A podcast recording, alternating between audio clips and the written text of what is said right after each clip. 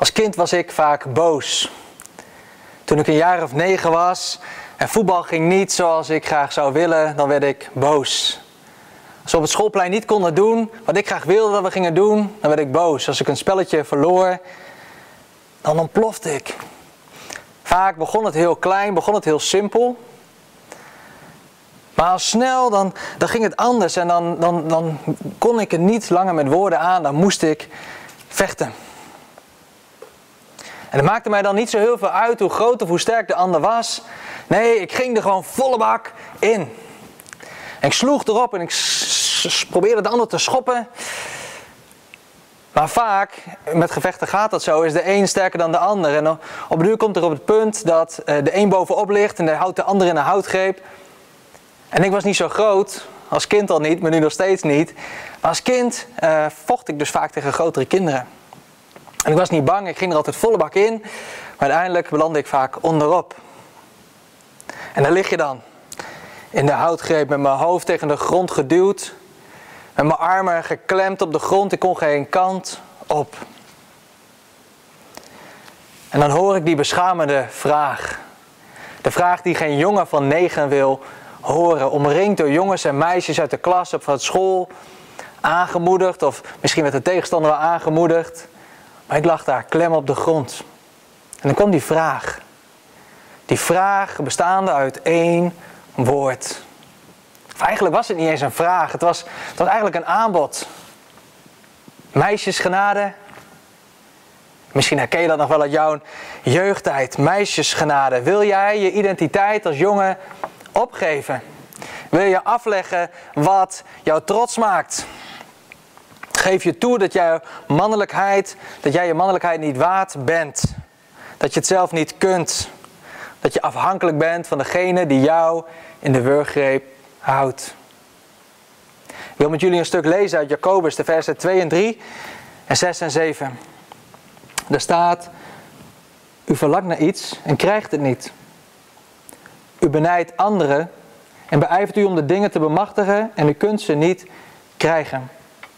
U maakt ruzie, voert strijd, maar u krijgt niet omdat u niet bidt.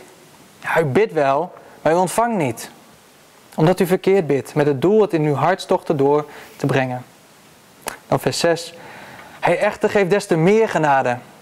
Daarom zegt de schrift, God keert zich tegen de hoogmoedigen, maar aan de nederigen geeft hij genade.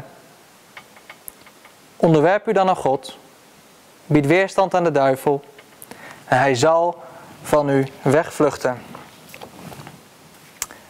Aan de nederige geeft hij genade. Nederigheid. Ik weet niet hoe het met jou zit, maar ik vind nederigheid altijd zo'n lastig thema.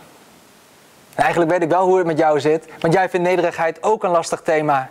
Het zit in ons DNA als mens. Sinds Eva eh, de vrucht plukte, vinden wij nederigheid een moeilijk thema als mensheid. En zeker ook als Nederlanders vinden we nederigheid een moeilijk thema. we willen niet met onze kop boven de maaiveld uitsteken, maar we willen ook niet onderdoen voor anderen. We willen precies in het midden zitten. Terwijl Jacobus in dit stuk zegt dat God aan de nederige genade geeft. Onderwerp u dan aan God, zegt Jacobus, als een soort van logisch gevolg want als God de nederige genade geeft, dan is het logisch dat je je wilt onderwerpen. Je wilt dat, die genade. Ik wil dat ook. Maar het is zo verdraaid lastig om je over te geven. Afgelopen zomer merkte ik dat ik moeilijk tot rust kwam. De lockdown in het voorjaar van 2020, ja, die was pittig. We zaten met z'n vier op 60 vierkante meter. En de kinderen vonden, mochten niet zoveel buiten spelen, mochten niet zoveel buiten komen. We hebben geen tuinen bij ons appartementje, dus we zaten eigenlijk constant met z'n allen op die paar vierkante meter. En we moesten tegelijk nog ons werk proberen te doen. De kinderen moesten nog onderwijs ontvangen. En ik kwam niet in de rust. En ik kwam ook niet in de rust bij God. En in augustus claimde ik dit gebed bij God. Heer, geef ons een nieuw huis. Het huis dat u ons gegeven hebt, het appartement waar we nu wonen, oh, dat was een fantastisch wonder. En we zijn dankbaar voor dat wat u gegeven hebt en dat was goed voor de tijd waarin we er mochten wonen. Maar nu zou het zo wenselijk zijn dat de kinderen allebei een eigen slaapkamer krijgen. De is een jongen, de andere is een meisje. Het is prettig als ze gewoon een eigen kamer hebben.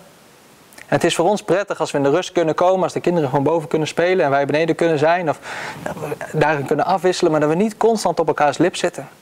En wat zou het fijn zijn als de kinderen gewoon buiten kunnen spelen zonder dat ze uit ons zicht ontrokken zijn of dat ze gewoon een veilige plek hebben om te kunnen spelen.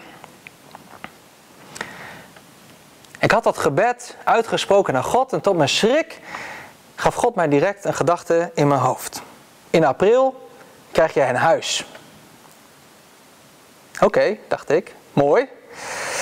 Dan is dat geregeld. Hè? Aan zo'n belofte is het makkelijk overgeven of niet? En ik begon alvast te, te genieten. Oh, God gaat ons een huis geven. en ik weet niet precies hoe hij dat gaat doen. Maar uh, ja, God heeft vaker wonderen gedaan. Dus uh, hij gaat ons huis geven. Dat wordt mooi. Maar na een paar weken begon het te knagen. Satan begon te knagen. Zegt de Bijbel niet, geloof zonder daden is dood. Moet je niet gewoon werken voor je geld en als je iets groter wil, moet je dan niet harder je best gaan doen?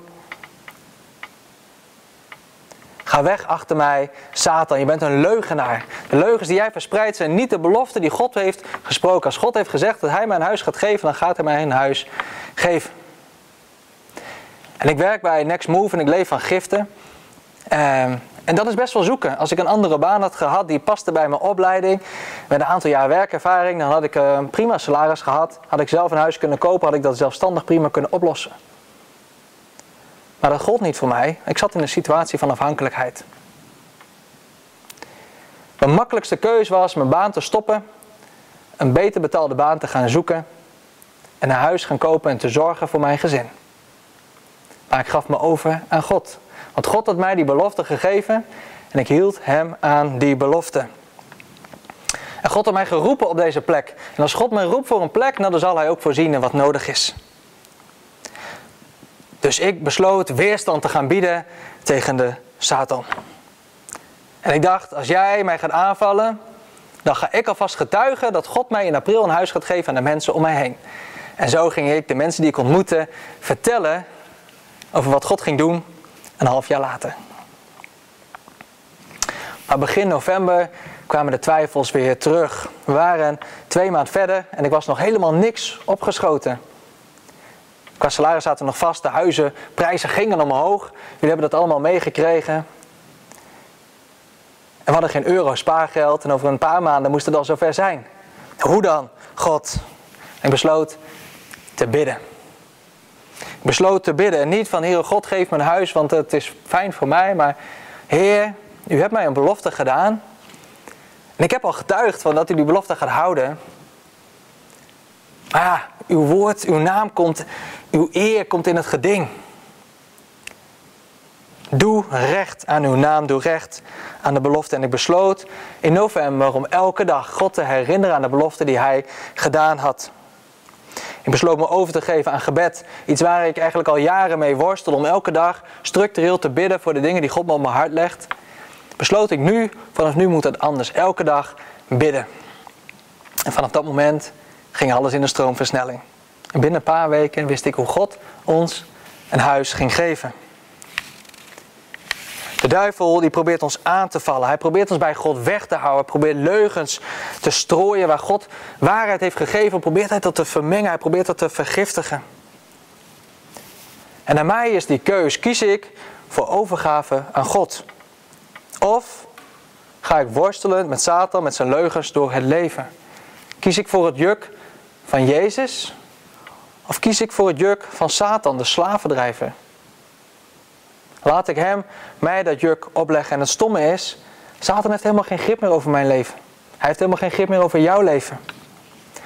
Als je een kind van God bent. De enige toegang die hij heeft is eigenlijk de toegang die jij hem geeft. En het enige wat jij dan moet doen is vluchten. Vluchten naar Jezus. Onderwerp je dan aan God. Bied weerstand aan de duivel. En hij zal van je wegvluchten. Het begint met onderwerping aan God. En dat is een keus. Kiezen voor Jezus. Elke dag. Meerdere keren per dag. Niet hard werken, alles zelf willen oplossen, maar onderwerpen. Neerwerpen bij Jezus. Niet zelf vechten zoals ik als kind wilde. Niet doorploeteren, ook al lig je in die houtgreep, ook al lig je vast, dan kun je geen kant meer op. Nee, al veel eerder, voordat het gevecht begint, mag je zeggen, Jezus, dit gevecht is voor u. En u hebt al overwonnen. Mijn plaatsvervanger is Jezus. Hij heeft overwonnen en dus moet de duivel wegwezen uit mijn leven. En dus moet de duivel wegwezen uit jouw leven. En God heeft wonderen gedaan de afgelopen maanden. Annelies, mijn vrouw, die kon ineens meer uren gaan werken. We kregen allebei ineens een loonsverhoging, wat een mooie wonder was. En ineens konden we gaan sparen, eindelijk. En met onze nieuwe salarissen konden we ook ineens een hypotheek krijgen die oké was om een huis te gaan kopen. En ja, de huizenprijzen werden steeds gekker, maar God bleef dezelfde. April had God gezegd. En toen werd het april. En we waren huizen aan het bekijken tot en met maart. En ineens kwam de droogte. Er kwamen geen huizen meer voorbij. Eerste week april, tweede week april.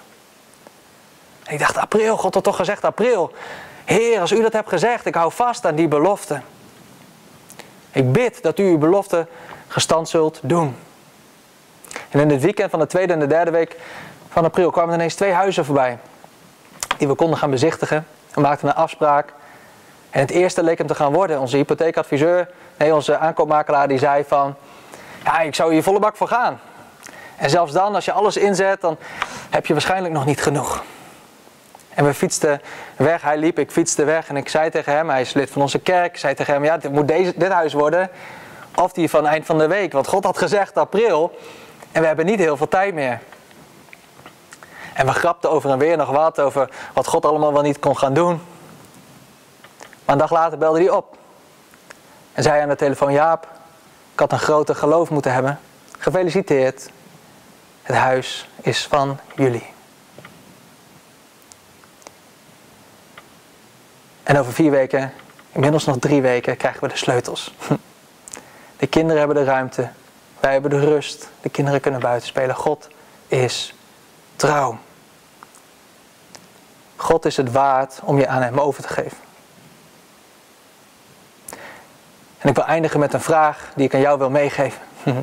Dit is mijn getuigenis over hoe ik me heb onderworpen aan God. Maar wat is jouw getuigenis van overgave? Deel jouw getuigenis van overgave eens met de ander en zegen daarbij.